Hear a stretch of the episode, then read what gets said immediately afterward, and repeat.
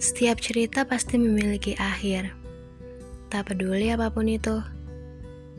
Mau berakhir bahagia, ataupun berakhir dengan tangis, atau malah berakhir dengan tidak memberikan penjelasan apa pun. Iya, berakhir dengan tak berkesan apa-apa. Seolah semuanya mengambang tanpa kejelasan.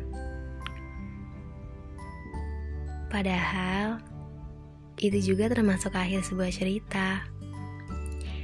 Ya, nggak semua akhir cerita itu bahagia, nggak semua akhir cerita itu kesedihan juga. Kadang, akhir cerita itu ya gitu aja tanpa disadari. Kalau udah gitu, ya udah, udah saatnya buat cerita baru. Gak apa-apa kok Gak apa-apa kalau kamu terdengar egois. Setidaknya, kamu terus berjalan, gak berhenti.